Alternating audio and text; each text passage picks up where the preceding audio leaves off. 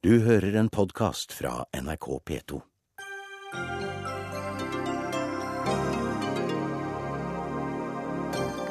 Halvparten av lærerstudentene stryker i matte. Kunnskapsministeren innkaller til krisemøte. Norge får refs fra FN. Samboere risikerer økonomisk ruin ved samlivsbrudd. Nå må vi få en samboerlov, krever juridisk rådgivning for kvinner. Alderdom er ikke en diagnose. Vi må fortsatt behandles som folk. Det sier journalist og forfatter som nå vil begynne å lyve på alderen for å få den helsehjelpen hun trenger.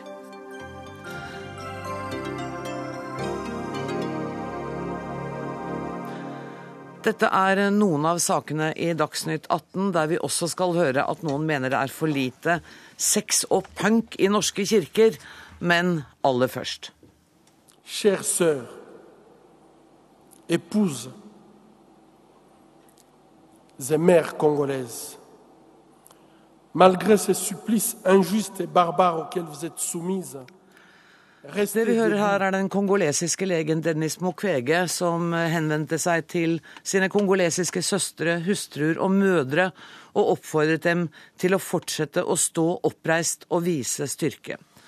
I 20 år har doktor Dennis Mukwege ledet et sykehus som har behandlet voldtatte kvinner og jenter i Kongo. Sist torsdag ble han og familien utsatt for et attentatforsøk. Og nå ber pasienter og ansatte ved sykehuset om hjelp fra det internasjonale samfunnet. Spesialrådgiver i Kirkens Nødhjelp, Odd Evjen, du kjenner doktor Mukwege svært godt og har jobbet med ham i flere år. Hva er det som har skjedd nå? Det som skjedde, var at de hadde et motforsøk. Fire bevæpnede menn holdt hans familie som gisler. Idet han kom inn med bilen sin, så tvang de han ut av bilen. Han, eh, hans livvakt ble drept. Men han selv klarte å unnslippe ved at han, han kastet seg ned på gulvet, og de rømte med bilen. Og dette var ikke et vanlig, eller et alminnelig vinningsran, eller at noen skulle ha lommeboka hans. Dette er politisk motivert?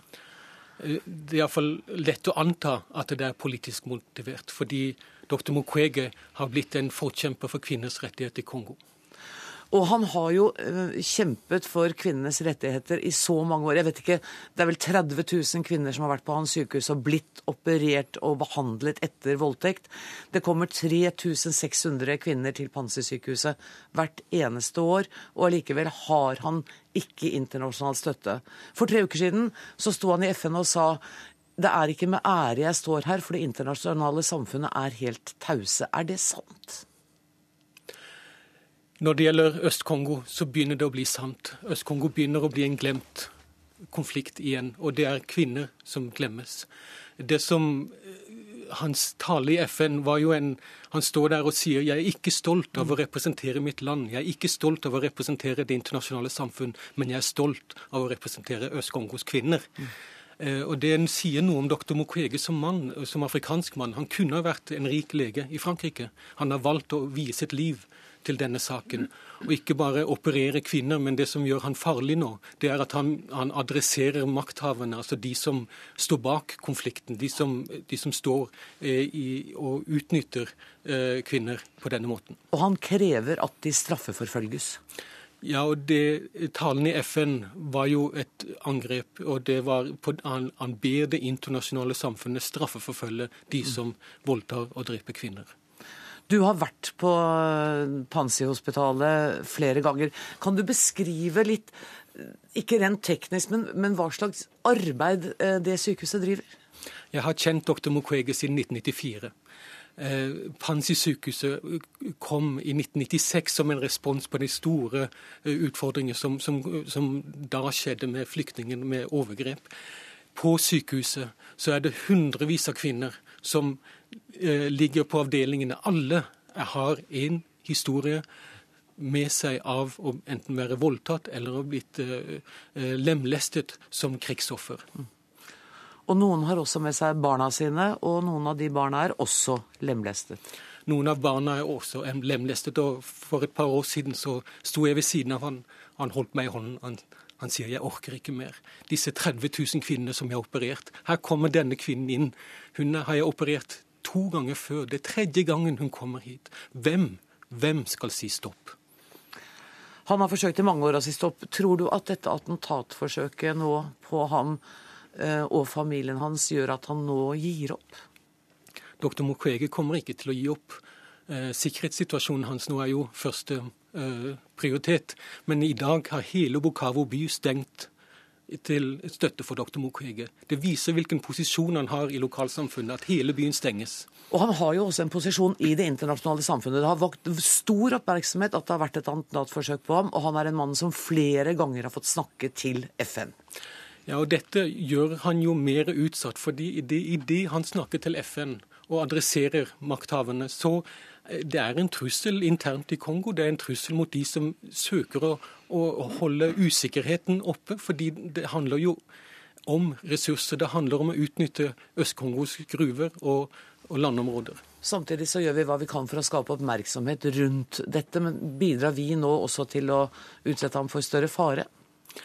Jeg tror ikke det nå er det om å gjøre å få internasjonal oppmerksomhet igjen rundt konflikten i Øst-Kongo, fordi han trenger at det internasjonale samfunnet nå legger press på Kongo og på landene rundt. Daglig leder i Forum for kvinner og utviklingsspørsmål, Gro Lindstad. Årlig kommer det altså 3600 kvinner til dette sykehuset. Eh, hva er det som gjør dette sykehuset spesielt, og det arbeidet så viktig? Ja, det sykehuset er jo eh, satt opp av dr. Mukwege for å hjelpe disse kvinnene. Det er eh, et enestående tilbud eh, som tar imot kvinner med helt eh, absurd alvorlige skader som vi ikke er i stand til egentlig å tenke oss. For når vi tenker voldtekt, så tenker vi jo at det er menn som voldtar kvinner. Men, mm. men i, i, Kongo så, så, bruker de jo også helt andre Altså, de voldtar kvinner med svære stokker. De ødelegger hele mm. underlivene. Eh, kvinner blir infertile. De Eh, får eh, inkontinente, de får eh, syflis, hiv og aids. I tillegg til de omfattende psykiske skadene, ja, tenker jeg. Dette er, altså, det som sies, det er at voldtekt er et eh, Voldtekt er billigere enn bomber. Mm. Og har mye større konsekvenser. Fordi det er en del av krigsstrategien, ja, ikke sant? Ja. Voldtekt har i eh, mange, mange år vært et eh, våpen i krig. Eh, I Øst-Kongo så eh, var det tidligere en eh, leder for FNs fredsbevarende styrker som heter Patrick Camer, som er generalmajor fra Nederland. Og han uttalte mens han var der, at det er farligere å være kvinne i en væpnet konflikt enn det er å være soldat. Mm. Fordi at man helt strategisk går til angrep på kvinnene for å bryte ned hele samfunnene. Fordi at disse kvinnene ender opp med å bli utstøtt. Og det samme har man gjort i Bosnia, i Colombia, i Guatemala, i eh, en rekke andre land. Fordi at man rammer mye breiere. Doktor Mukwege har sagt at hvis du tier om dette, så er du medskyldig i det som skjer. Ja, og det er jo derfor han på en måte i gåsetegn blir så farlig også. Fordi at FN er jo aldri mer enn det FN medle FNs medlemsland vil. Mm. Og i en del tilfeller så er det et mindretall av FNs medlemsland som sitter og holder majoriteten gissel. Mm. Fordi at de ikke vil strekke seg lenger. Mm. I det Kongo eller andre land sitter inne som midlertidige medlemmer av Sikkerhetsrådet, så vil de forsøke å bremse. Mm og tenke at dette er noe man ikke skal gjøre noe med. Og Fra 1.1 så er Rwanda da også medlem av Sikkerhetsrådet på midlertidig basis. Vi har eh, dessverre ikke mer tid. Jeg må bare få lov å legge til at vi i dag gjentatte ganger har forsøkt å komme i kontakt med doktor Mukwege. Det vi vet, er at han, ut, han og familien er ute av Kongo. Men eh, vi sier takk nå til Odd Evnien og Gro Lindstad.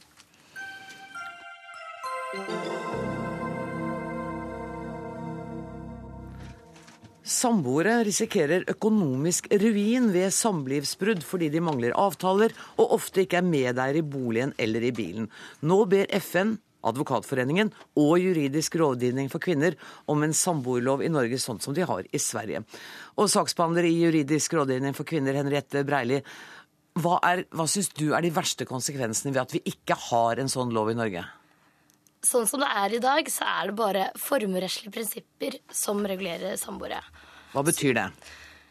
Kort og greit så vil det si at den som kjøper en ting, eier tingen og råder over den. Så det vil si det er de samme reglene som gjelder for oss to, som det gjelder for samboere. Og det faktum at det er samboere, har ingenting å si. Så la oss tenke oss et tilfelle hvor to blir samboere. Eh, han eier en ganske tungt belånt leilighet. Ja. Så etter noen år går de fra hverandre, og i løpet av den tiden så er lånet nedbetalt og det er gjeldfritt. Har hun da ingen rett på den leiligheten? Da har Høyesterett uttalt at det skal atskillig til at den andre parten skal få en sameiendel i denne gjenstanden hvis den andre har kjøpt den på forhånd. Men da tenker jeg, hvorfor inngår ikke folk samboerkontrakter? For det er det jo full anledning til å gjøre, og bare en femtedel av parene gjør det. Ja. Jeg tror veldig mange syns det er et uromantisk tema å ta opp. Det er ikke akkurat det man diskuterer på Det går det an å skjønne. Og jeg tror også at det er veldig mange som ikke vet hvordan de gjør det. Og at du ikke vet hva slags regler som gjelder. Så det er veldig vanskelig for samboere i dag å finne ut hva slags rettighet de har. For det er ingenting er lovfestet. De må lese opp i juridisk teori og høyesterettsdommere. Og dette er ikke noe man kan forvente av Ola eller Kari Nordmann.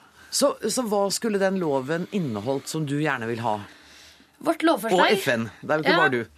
Ja, i hvert fall Jurks lovforslag, som vi har bl.a. eh, sagt med BLD om, er at eh, vi har blitt inspirert fra Sverige. Vi vil ikke at alle, alle former i forholdet skal deles, men vil at eh, felles bolig, hytte og bil, altså kjøretøy, skal deles likt hvis samboerne har vært sammen i fem år, eller at eh, de har felles barn. Men vi mener at denne loven skal kunne fravikes. Så hvis samboerne vil, så kan de avtale at denne loven skal ikke gjelde. Og da blir de da regulert av vanlig avtale for, eller den samboerkontrakten de inngår. Ja, Statssekretær i Barne-, likestillings- og inkluderingsdepartementet, Ahmad Gan Ghanizadeh. Um, Det høres jo fornuftig ut, det. Har dere tenkt å følge forslaget? Det er en eh, veldig viktig sak eh, JURK eh, reiser. Det er et spørsmål vi også er opptatt av. Men denne saken har jo også flere sider. Det at vi i Norge kan etablere et, eh, et samliv uregulert, er også en viktig verdi. Det kjennetegner frihet ved våre samfunn. Og, og, og i Norge har jo vært eh, et godt alternativ til, eh, de, til det tradisjonelle ekteskapet, at folk fritt kan leve sammen. Men det hun sier er jo at en lov vil jo da kunne åpne for at Ja. nei, vi vil ikke reguleres, vi vil leve i total frihet. Ja, vi, altså ekte, Ekteskapsloven har jo regler som eh, regulerer eh, de, de, økonomiske forholdene ektefellene imellom. Ja. Eh, men eh, gjennom tiden, altså i, de senere årene, har vi jo da sett behov for å regulere visse sider ved samboerskap, bl.a. når det gjelder arv. Særlig når det er eh, felles barn. Mm. Det, det har vi tatt tak i. Ja, er og gjort det. Det har vi sett. Eh, men jeg også eh, Jeg ser eh, også at eh, eh, særlig kvinner kan komme dårlig ut av eh, et eh, samboerforhold eh, etter oppløsningen. Og det er jo det FN påpeker, ja, ikke Det er, det er vi opptatt av. Og eh, jeg har eh, sympati for dette forslaget, og det har også SV. Eh, og vi ønsker å, å vurdere eh, eh, å gi et større vern eh, i slike saker. Vet du hva, Når Men du sier at du dere skal- ønsker å vurdere å gi et større vern, så hører jeg at det er liksom noen år fram i tid. Nei, men- så kan du ikke Nei, nei, det, er, det, er, altså det er en viktig sak. Den har en, eh, en rekke eh, store prinsipielle sider som vi må vurdere. Det er du også enig i. Hva er de negative sidene ved å gå inn for en sånn lov?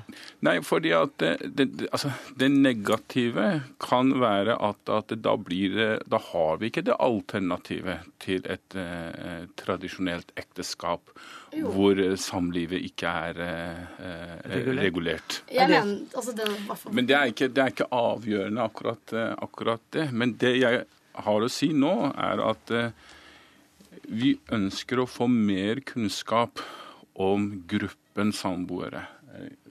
Gruppen er svært sammensatt. Det gjelder altså heterofile, homofile, med barn, uten barn, alder osv. Jeg ønsker å få mer kunnskap om gruppen. Men det, første... Det er også sånn som politikere sier når de egentlig ikke har lyst til å gjøre noe med en gang. Så da skal man vurdere å gi større trygghet, og så skal man få bedre kunnskap. Og mens gresset gror, så dør kua. Ja. Det er litt sånn. Eh, nei, altså, min, eh, min eh, klare tilbakemelding er at jeg ser behovet okay. for et større vern. Og, og det ønsker vi å gjøre noe med. Nei. Du er ikke fornøyd? Ikke fornøyd. Sånn som reglene er i dag, så er det nesten ekstremsport å inngå et samboerskap. Det er dristig, ja.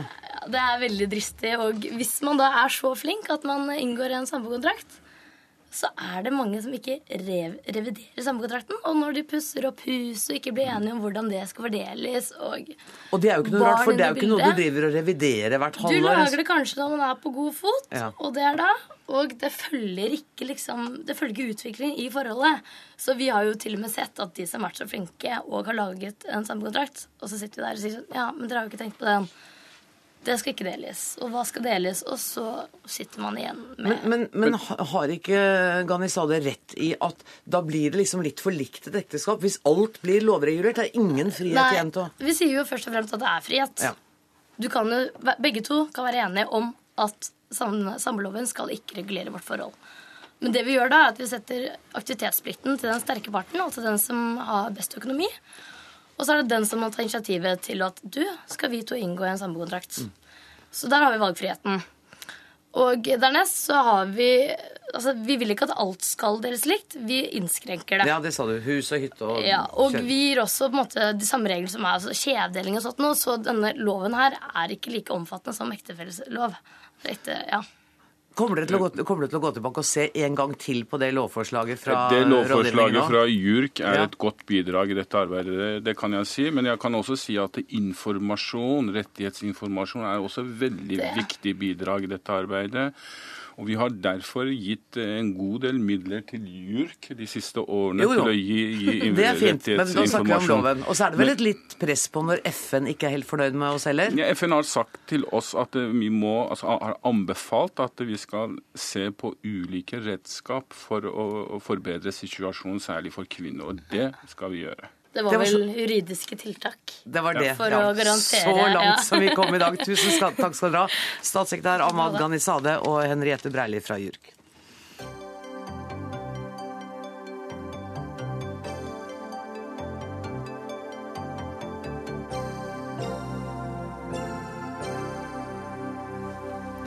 Alder er ingen diagnose. Det skriver du, Åshild Ulstrup, journalist og forfatter i Aftenposten tidligere denne uka her. Og etter å ha jobbet journalistisk med eldre og eldreomsorg i mer enn 40 år, så sa du til meg tidligere at nå er du livredd for å bli sett på som gammel. Det må du forklare. Ja, jeg har jo i mellomtid Det starta jo med at jeg var veldig redd etter de første åra i Middagstunden. Mm. Og, og, uttalte i Aftenposten at det var forferdelig. Det hadde jeg sett. Jeg skulle vært lege og ikke og sosialarbeider. Men så har det jo Vi har jo blitt så friske, vi har jo blitt så gamle, og vi har blitt mye sprekere alle sammen. Og jeg har jo syntes det var veldig, veldig flott å kunne reise bort og misjonere for den gode alderdom. For det har vært veldig viktig for meg å få vite hva er det som gjør det verdt å leve. Og verdt å bli gammel.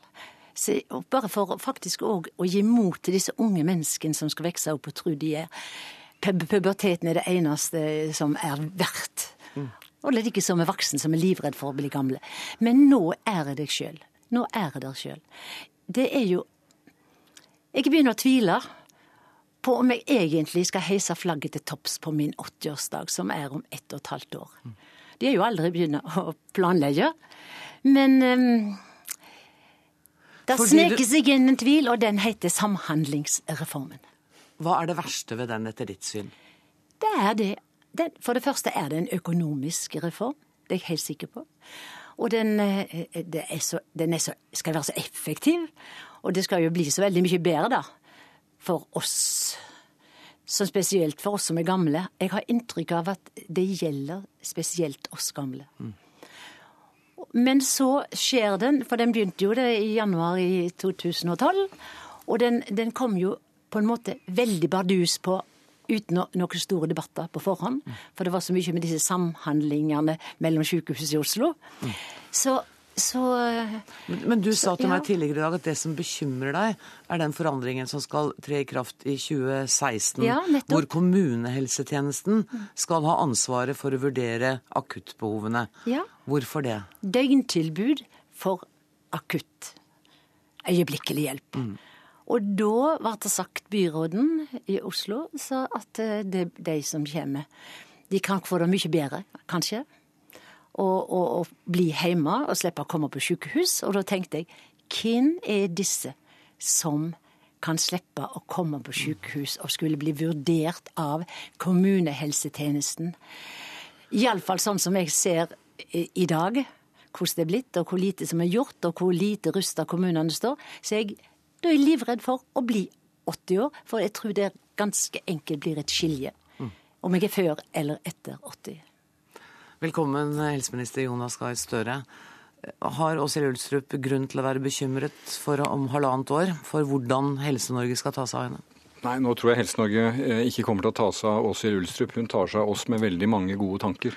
Og jeg syns at både hun og vi skal heise flagget til topps når hun blir 80 år, og hver dag siden. fordi at hun bidrar jo til samfunnsdebatten. Og de tankene hun har delt med oss nå, de sendte hun meg rett etter at jeg ble minister, så jeg har lest dem. Mm. Og de har gjort inntrykk på meg. På hvilken Men, måte da?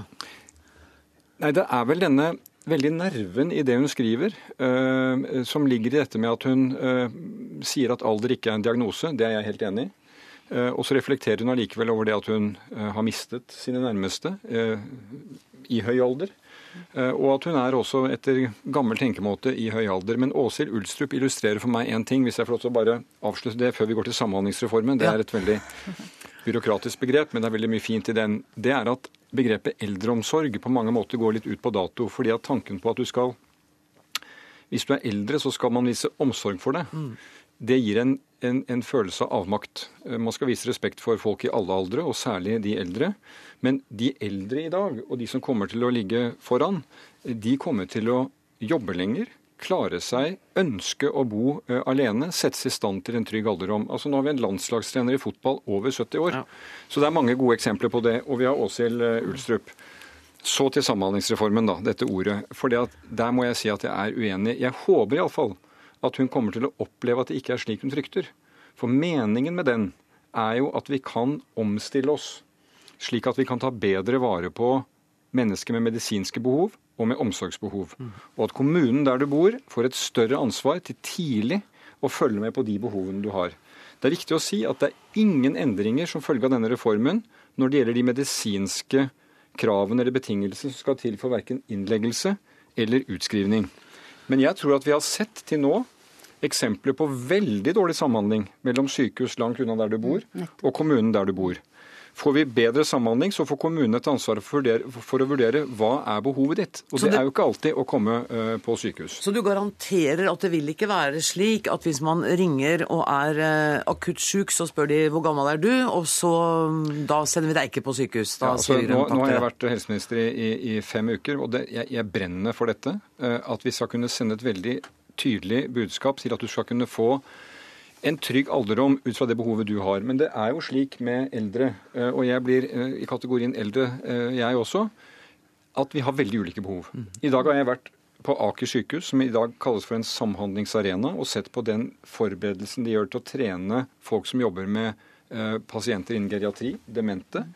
Vi kommer til å ønske å bo hjemme lengst mulig, settes i stand til det. Der kan teknologien hjelpe oss. Men det som er sikkert, tror jeg, når vi ser på befolkningsutviklingen og generasjonene etter Åshild, som blir mye flere, det er at hvis vi skal løse oppgavene for eldre på samme måte som i dag, så kommer ikke det til å gå.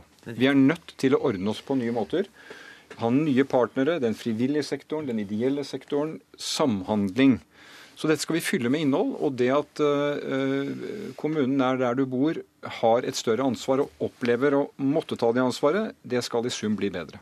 Åse Lønstrup, er det Vet hun at de tar ansvaret? For det er jo det veldig mange fine ord. Mm. Men egentlig så De skjærer jo ned hele tida. Og det, jeg snakket nettopp med en kommune nå som sa at vi, vi er nødt for å innse at vi må ned med 26 millioner kroner i eldreomsorg de neste tre år. Hvor blir det av disse pengene de får for å ta vare på oss, da? Jeg forstår liksom ikke akkurat ja. Nei, altså det er, det er, jo slik i Norge, hvis du ser på Europa i dag, så har vi altså mulighet til å fortsette å utvikle vårt velferdssamfunn. Og det går milliarder av kroner til kommunene. Og vi har ordnet oss sånn, og det tror jeg er klokt, at kommunene disponerer. er det klokt? Ja, altså jeg tror i sum at hvis du skulle sitte og si at det var regjering og departement som detaljstyrte og øremerket Det kan være fristende noen ganger å tenke at nå skal vi ha akkurat dette, men de som bor nærmest, vet best. Og de må innrette seg. Og så får velgerne holde kommunen ansvarlig på hvordan den disponerer og hvordan den prioriterer. Og Det Åshild Ulstrup skriver i både foredrag og artikler, er jo eksempler på at mennesker kommer i en veldig utsatt situasjon. Og det tar vi alvorlig. Men jeg har lyst på å si og det føler jeg også jobben min. Vi skal være opptatt av dem. Men det er viktig å si også at de aller, aller fleste som får hjelp og omsorg når de trenger det, enten det er på sykehus eller sykehjem, de opplever at de får en god og verdig behandling.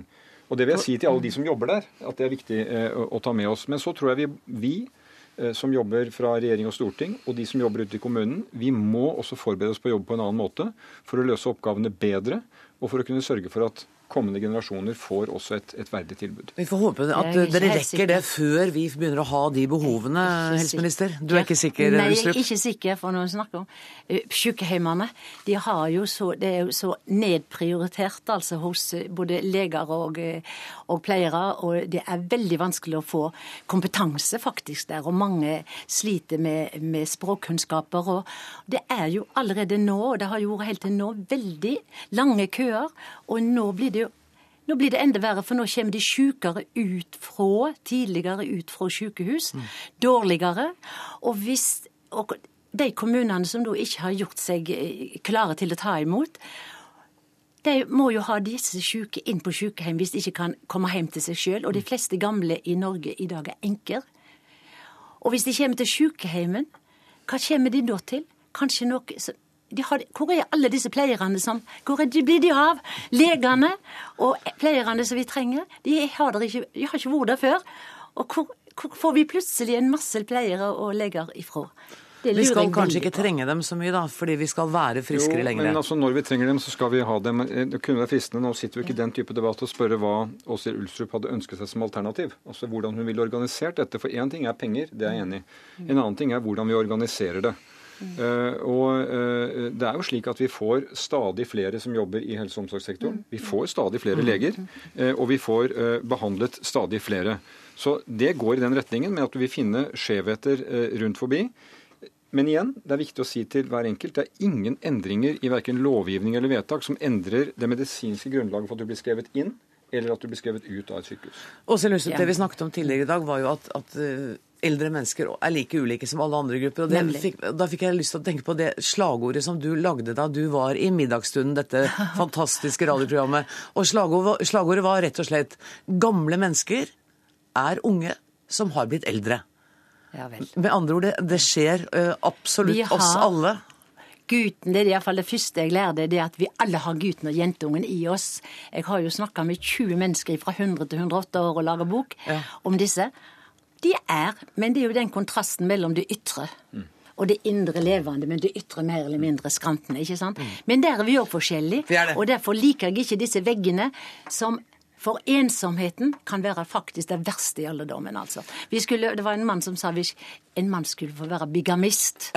For det er så mange kjekke damer i alderen, ikke sant? Og kanskje det kunne løst litt på ensomheten. Jeg er ikke sikker på at det er det beste helseforslaget jeg har hørt i dag. Men jeg er nødt til å sette strek her. Men jeg ønsker dere velkommen tilbake. Dette skal vi snakke mye mer om. Tusen takk til helseminister Jonas Gahr Støre og til forfatter og journalist Åshild Ulstrup.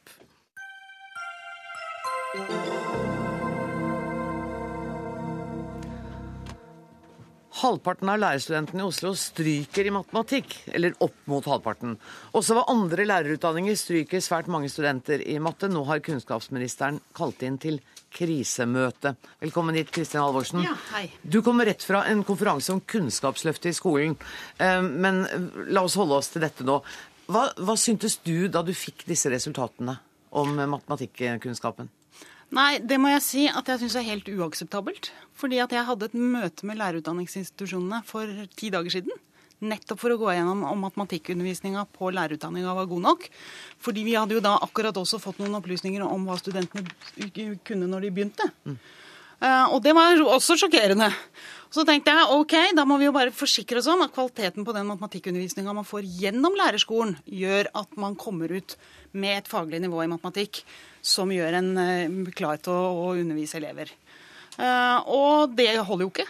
Uh, disse studentene i Oslo og Akershus, det er jo veldig attraktive studieplasser også, så de har over fire i snitt. Dette er meget godt kvalifiserte mm. studenter når de begynner, men de kan for dårlig matte når de begynner. Og de lærer tydeligvis ikke nok mens de er der heller. Men hva det kommer det? Har du, har du, kan, altså, det må være flere grunner til det? på en måte? Jo, nå tror jeg at vi kommer til å få flere på en måte håndfaste bevis på at vi er på rett vei. For noe av oppsummeringen av Kunnskapsløftet i dag er jo at det har jobb, vært jobba nå siden 2006 veldig systematisk med mer vekt på resultater og hvor elevenes mestring har vært mer i, i sentrum. Eh, men jeg ser at på matematikk så har vi noen store utfordringer. Matematikk eh, er et av de fagene som krever mye lærerkompetanse, også for å kunne jobbe mer variert. Eh, veldig mange mattetimer er veldig ensformige. Læreren går gjennom mattestykkene på tavla. Elevene løser mattestykker individuelt. Læreren rekker rundt halvparten av de som ikke skjønner hva de holder på med. Og i tillegg har du en del som sitter og kjeder seg fordi de er ferdig før alle andre. Når vi ser på de landene som er gode i matematikk, og har mange som på, elever som er på høyt nivå, så jobber de mye mer variert. De pugger mer. Du må pugge gangetabellen og ha det automatisk inne hvis du skal synes at matte er gøy.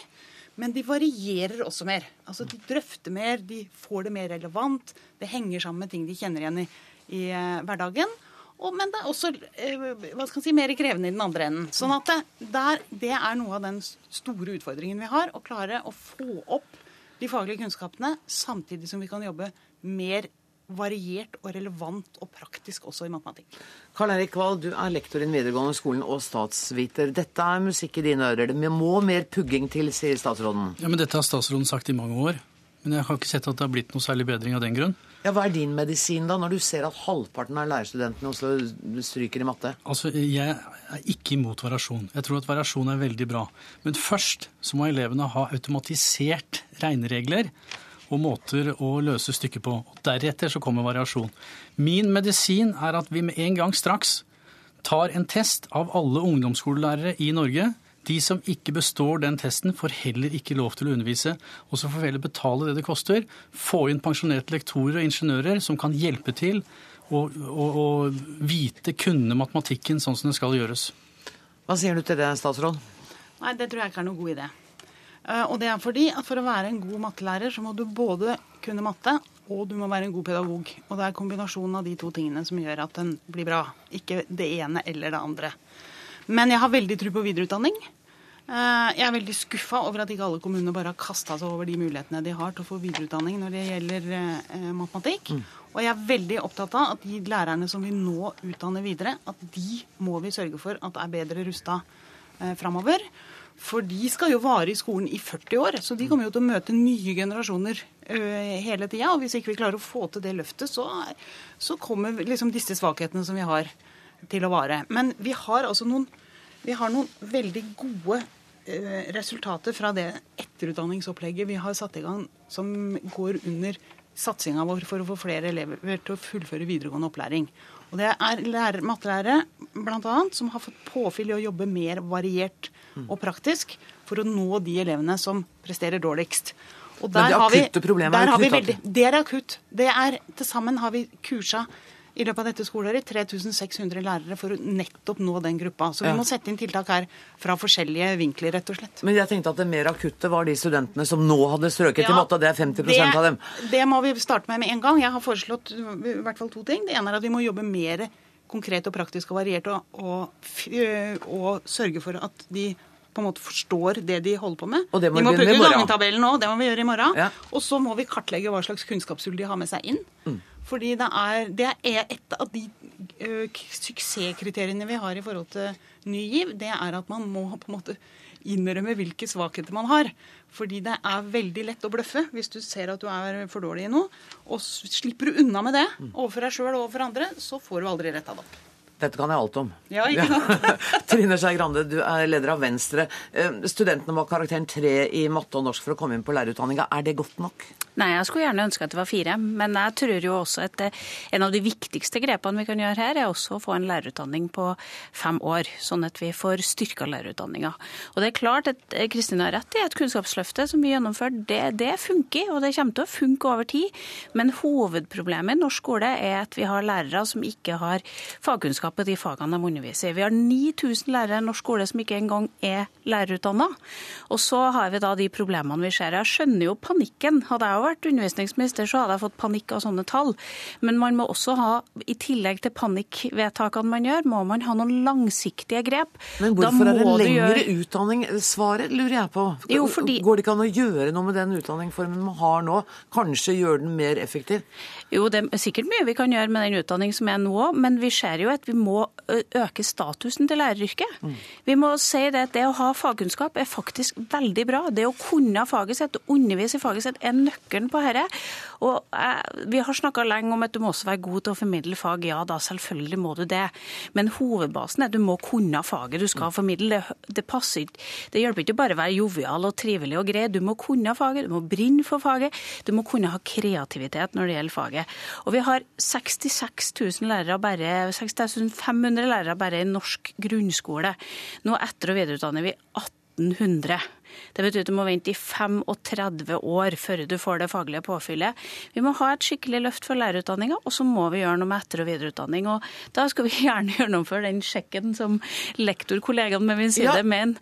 Fordi at det, vi må jobbe systematisk med å få kompetansen heva på spesielt de disse nøkkelfagene. Da må jeg høre med lektoren hva, hva, du tenker om de forslagene. Altså det eh, Statsråden sier at vi må med en gang begynne å sørge for at det blir mer effektiv undervisning, og så må vi satse på etter- og videreutdanning? Jeg har ikke noe, for å si det rett ut, eh, jeg har liten tro på etter- og videreutdanning. Særlig matematikk. Altså Jeg skal ikke si at det er helt umulig, men jeg har liten tro på det. I matematikk av den enkle grunn at disse elevene, disse lærerstudentene, de kan jo ikke de grunnleggende reglene. De kan jo ikke sjøl regne det de skal forsøke å lære elevene sine. De trenger ett menneske hver som kan sitte og hjelpe dem med mattestykkene. De trenger ikke en forelesningssal hvor det står en inspirerende, fantastisk morsom person og forteller om hvor fantastisk morsom eh, matematikken er. De må ha én-til-én-hjelp for å kunne lære de tingene som skal til. Men er er det, et alvorlig problem, dette her, eller er det noe som kan gå over, dere?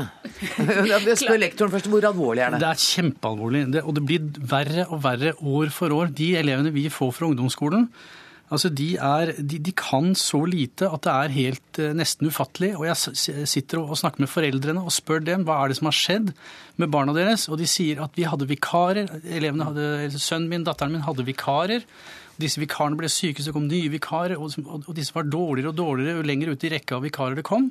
Så det er, og I tillegg så kunne ikke da selve hovedlæreren heller ikke ordentlig stoffet. Kristian Kristin Halvorsen? Nei, det er klart at uh, Den viktigste faktoren er læreren, og at læreren er god. Uh, nå er det noen lyspunkter der, heldigvis. For så ser vi jo at at de som nå, Vi har lagt om lærerutdanninga sånn at den er delt i, i, to på grunnskolen. Og at de som velger fra, å undervise fra 5. til 10. klasse, de må fordype seg. De må ha 60 studiepoeng i matematikk eller, eh, for å kunne undervise i det seinere. Og det ser vi at eh, virker. Okay. Men, men, matematikk det er et eller annet veldig mystisk på en måte for mange med matematikk.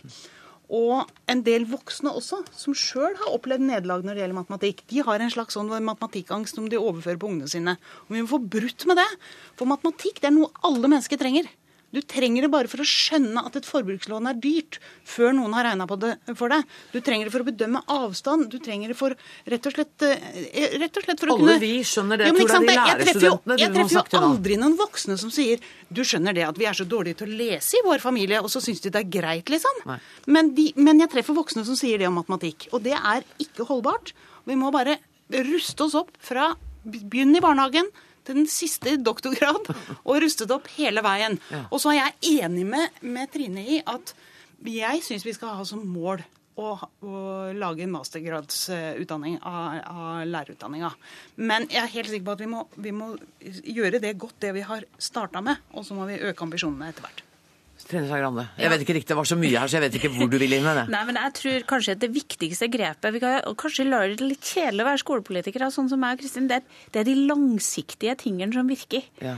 Det er de virkelig langsiktige, og det er kanskje det som politikere får minst kred for å gjøre. Og folk som jeg vil ha løsningen nå, Ja, ikke sant? ja, og poenget her trenger vi å gjøre ganske mye langsiktig, for det handler jo om hvordan grunnskolen funker. Det handler om at vi må, ha, vi må øke kreden til det å være lærer. Vi må øke respekten for kunnskap i et samfunn. Og da må du gjøre det med å heve inntakskravene. Det å si at dette faktisk er en mastergrad, det er to sånne store grep som jeg mener er viktig. Det å si at du faktisk har rett og plikt til å gjennomføre etter- og videreutdanning i løpet av karrieren din. Jeg vil ha på plass denne sertifiseringen av lærere, som gjør at du kan være sikker på at folk kan faget de faktisk skal undervise i, og at foreldre kan være sikre på det. Og der fikk må- du jammen siste ord. Du savner du noen gang lærergjerningen? Å, veldig. Da prøver jeg å tenke rettebunke, rettebunke, rettebunke. Det vil høres ondskapsfullt ut hvis jeg sier at vi trenger det, men vi trenger jo noen skikkelig dedikerte lærere. For Ja. det, det, er, det kommer godt med å være koselig òg, for å si det sånn. Ja, Kunne så- faget og ha god, god relasjon til, altså god, godt forhold til elevene sine. Da får du dem til å fly, altså. Jeg gleder meg til dere kommer tilbake og dette problemet er løst. Tusen takk for at dere kom. Om kun kort tid. Kar, Kar Erik Kar, Trine Skei Grande og Kristin Halvorsen. Hør Dagsnytt 18 når du vil, på nettradio eller som podkast. nrk.no – dagsnytt 18. For 50 år siden ble 21 mennesker drept i den verste gruveulykken i Norges historie. Kings Bay-saken forandret Norge. Det hevder Monica Christensen i boka som kommer i morgen. Saken førte bl.a. til regjeringsskifte og markerte slutten på Arbeiderpartistaten og Gerhardsens eh, karriere. Vi skal høre litt av debatten fra stortingssalen den gangen, da det virkelig toppet seg mellom Sosialistisk Folkepartis Finn Gustavsen og statsminister Einar Gerhardsen. Det saken gjelder, er bruddene på sikkerhetsbestemmelsen i Kings Bay og regjeringens unnlatelsesansvar og regjeringens kritikkverdige behandling av saka. Etter mitt syn er det her regjeringen, og jeg er bestyrket etter statsministerens innlegg, som utnytter ulykken. Det er regjeringen og dens parti som prøver å skjerme seg mot kritikk bak ulykken. Det er de som beskylder andre for å utnytte ulykken. De som bruker ulykken til å dekke over sakens realiteter. Det er snart ikke den ting regjeringen ikke er anklaget for.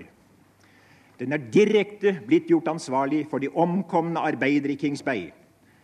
Den er blitt koblet sammen med Profumo-skandalen i England og spionsaken mot Wennerstrøm i Sverige. Den er indirekte blitt stemplet som en uærlig regjering. Ja, noen har til og med gjort det direkte. Der hørte vi til slutt statsminister Einar Gerhardsen den 20. august 1963 i stortingssalen. Og Monica Christensen, du har skrevet en bok som handler om både den tragiske ulykken og om historien om Kings Bay. Hvorfor har vi hørt så lite om menneskeskjebnene i den ulykken? Eh, Ja, det har jo jeg lurt på også i alle år. Eh, Fra første gang jeg kom opp som student i 1976, og i alle år videre så var det omtrent som om det var en sky av skam rundt eh, Kingsberg-saken.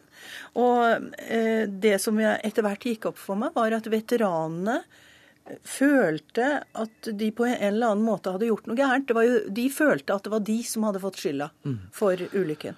Og, og det ble jo også videreført i det politiske, fordi at da statsråd Holler var der oppe, så viser jo Gerhardsen også i en tale til det, og sier at da statsråden var og besøkte Kings Bay før ulykken, så var det ingen som snakket om noen sikkerhetsrisiko. Ja, nettopp. Og det er et kjernepunkt i boka at Einar Gerhardsen gjorde sitt aller beste for Arbeiderpartiet og Arbeiderpartiregjeringen og sin posisjon. Men i talen kom han da til å nettopp legge skylda på en slags unnlatelsesskyld eh, både på ledelsen i Kingsbay og arbeiderne for at de ikke hadde sagt ifra. Men det vet jo alle som har bodd i Ny-Ålesund og fått eh, stortingspolitikere på besøk, at de skal ha middag, de skal ha vin, de skal ha vakker natur, og så skal det være harmoni. Og så lite så problemer som mulig, ja. Så lite problemer som mulig. Det var nesten eh, Altså, man kan ikke legge skylda for en farlig arbeidsplass på arbeidere noe sted, og i hvert fall ikke i Kings Bay. Estergruva var livsfarlig. Og skulle aldri vært i drift, sier du? Den skulle i hvert fall ha vært nedlagt etter den tredje ulykka i 1953, etter annen verdenskrig. Da var det åpenbart for Stortinget, for regjeringen og for alle som hadde greie på det, at at Estergruva var mye farligere, en helt annen kategori gruve, enn de i Longyearbyen. Jeg blir fascinert av Jeg leste boka i, i, går og er fascinert av hvordan du eh, både du kombinerer eh, de lange linjene og historien med mm. veldig nære bilder av livet eh, rundt Kings Bay.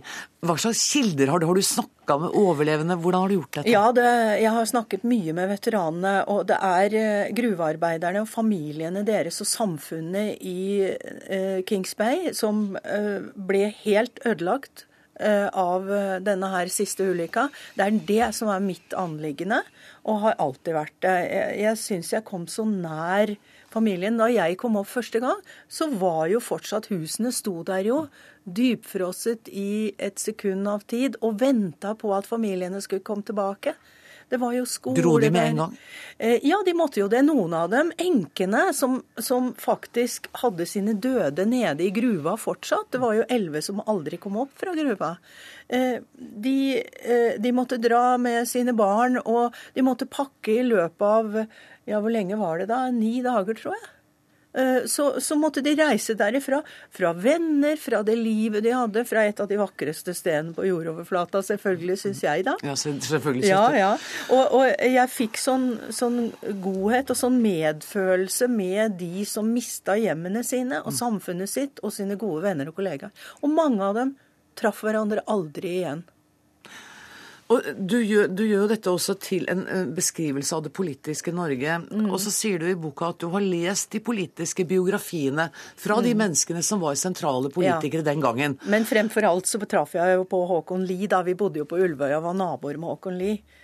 Så hvis det ikke hadde vært for han Håkon, så tror jeg ikke at jeg hadde skrevet om det politiske. Eh, men jeg fikk mange tips av han, ja. Også, men du sier jo også at ingen av biografiene sier noe om hvordan den politikeren, hvordan tragedien ja. påvirket den. De ja. bruker den bare som eh, en forløsning av et, eh, av et politisk spørsmål. Jeg, jeg, tror det var et sånt sjokk for de fleste at de griper til på en måte klisjeer. Eh, og, og, det er jo det jeg innleder boka med. Det faktumet at det døde 21 mennesker i denne her ulykken, som varte og varte. Det var jo fire døgn før den var helt slutt. og man ga opp redningsarbeidet. Ehm, jeg tror, tror, det var et sjokk for de fleste, men, men, så ble det veldig hurtig en mediesak. Fjernsynet var jo med for første gang. Per Øyvind Herastveit og hans team med tomotors fly fra Asker fløy oppover i Polhavet. Da. Eh, det var jo en livsfarlig tur både for eh, undersøkelseskommisjonen og Per Øyvind Herastveit, men hadde ikke fjernsynet kommet med de fantastiske bildene fra gruveåpningen og røyken som famler seg oppover fjellsida, eh, så hadde ikke eh, ulykka vakt det voldsomme engasjementet. Og det var sånn, det var en flodbølge av medfølelse og indignasjon og sinne over at dette her skjedde nå igjen. Fjerde gangen etter annen verdenskrig. Mange døde på hver eneste ulykke. 15 i 48, 9 i 52, 19 i 53, og så den siste ulykka. Så Estergruva var livsfarlig for de som arbeida der. Skulle ikke vært igangsatt etter 53. Eh, og det var arbeiderne som måtte betale prisen. Helt, slutt, helt uh, kort til slutt. Du antyder også at uh, Einar Gerhardsen og hans regjering ble ikke tvunget til å gå av, men at de av strategiske grunner fant at dette var saken de skulle gå av på. Altså Rent faktisk så fikk de et mistillitsforslag imot seg. Det er derfor jeg spør, ja, han fikk jo faktisk ja, Rent faktisk, så det er det ingen tvil om. Men um, jeg har en analyse av de veldig avgjørende kritiske dagene den 20. juni mm. til rundt omkring det, som nok viser at Einar Gerhardsen utmerket godt visste at de kom til å gå av på Kingsberg-saken. Mm. Så får folk bare lese boka, for det er en grundig gjennomgang og et nært møte med mange av menneskene som var berørt av tragedien. Ja, Tusen takk, takk for at du kom, Monica Christensen.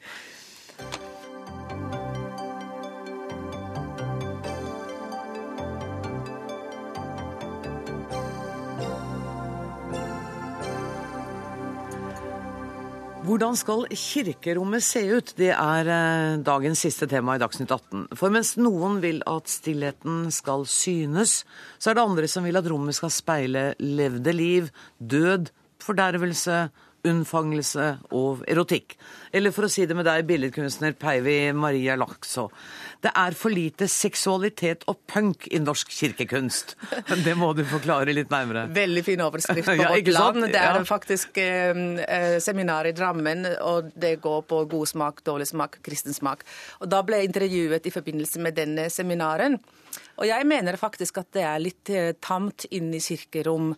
Det fokuseres veldig på en slags hellighet og stillhet og intethet, liksom nesten billedlig eh, tomhet. Og det opplever jeg tilsvarer ikke så godt i hva skjer i verden. Altså, en, sånn, jeg opplever i hvert fall at vi er en stor forandring når det gjelder eh, 22. juli, og det gjelder økonomisk kollaps i eh, La oss si at det går gærent med Hellas. Det er eh, romfolk på gata som eh, hele tiden forteller oss, eh, gir oss dårlig samvittighet og forteller oss, eh, minner om oss noe. Og Jesus faktisk var et menneske som lidet, som gikk faktisk en korsvei.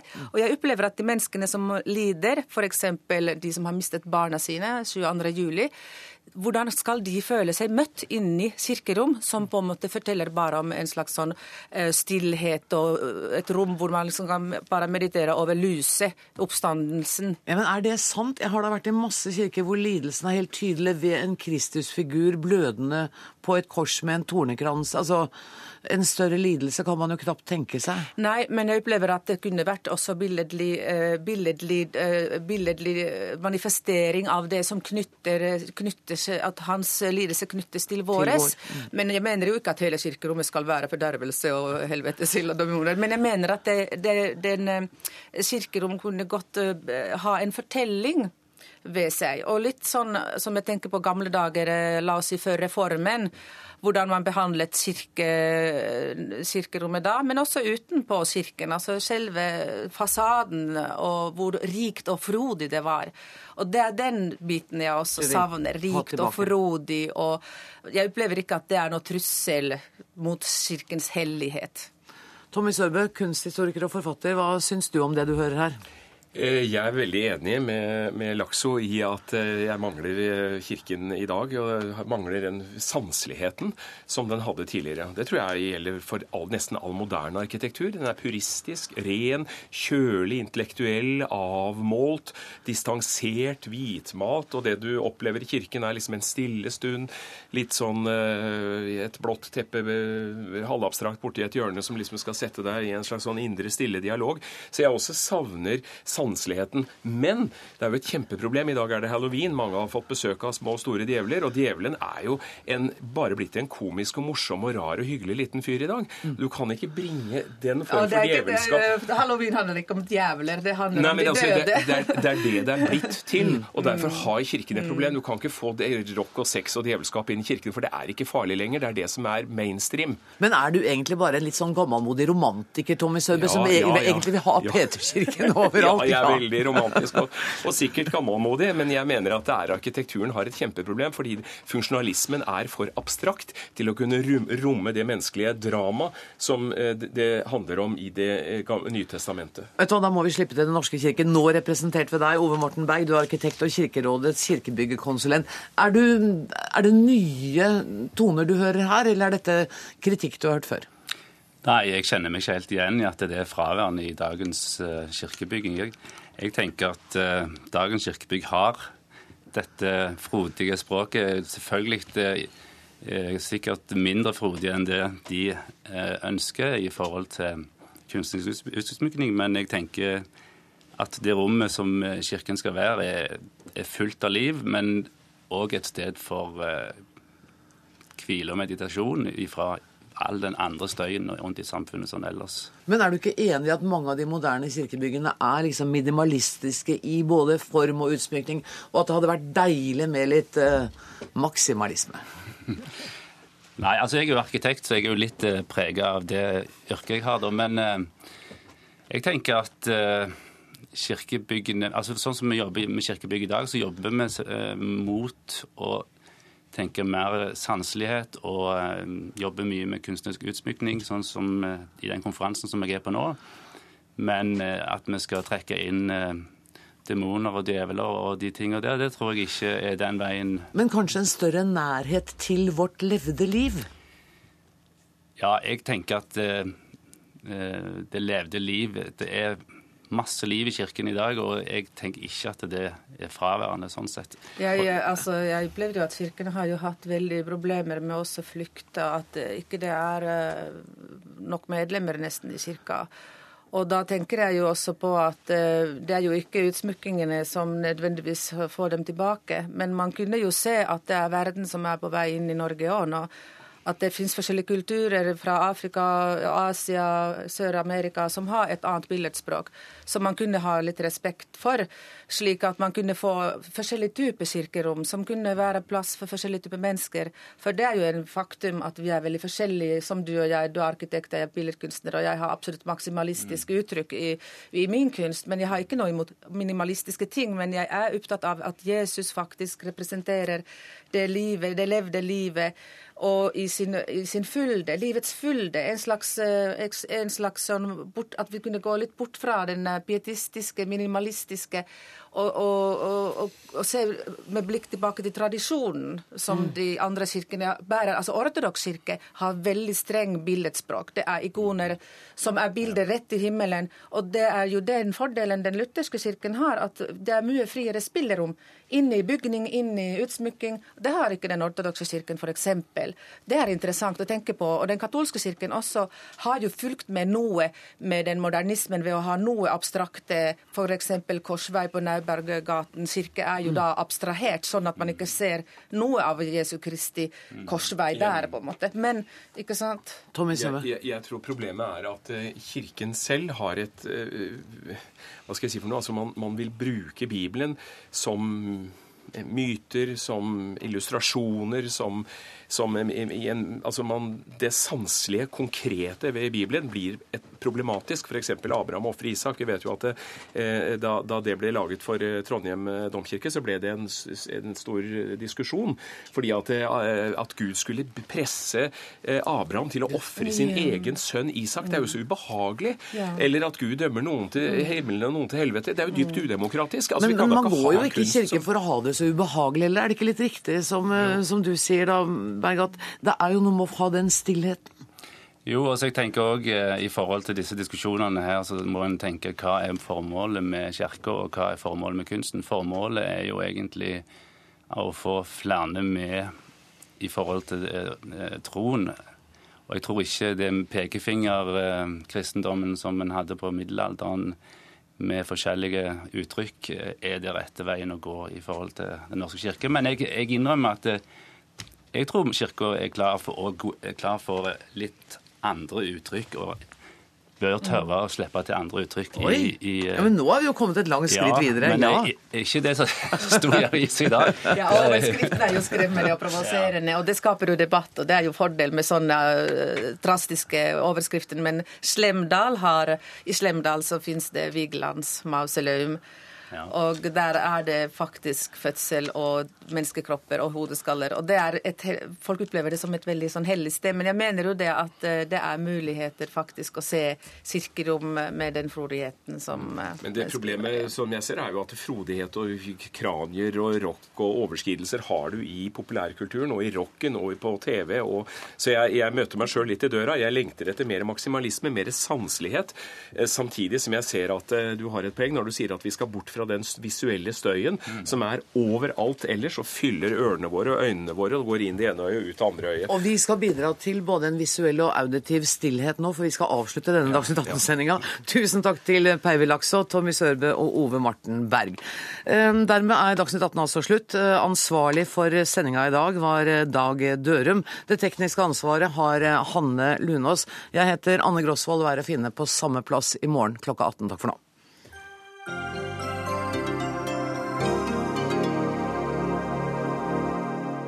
Du har hørt en podkast fra NRK P2.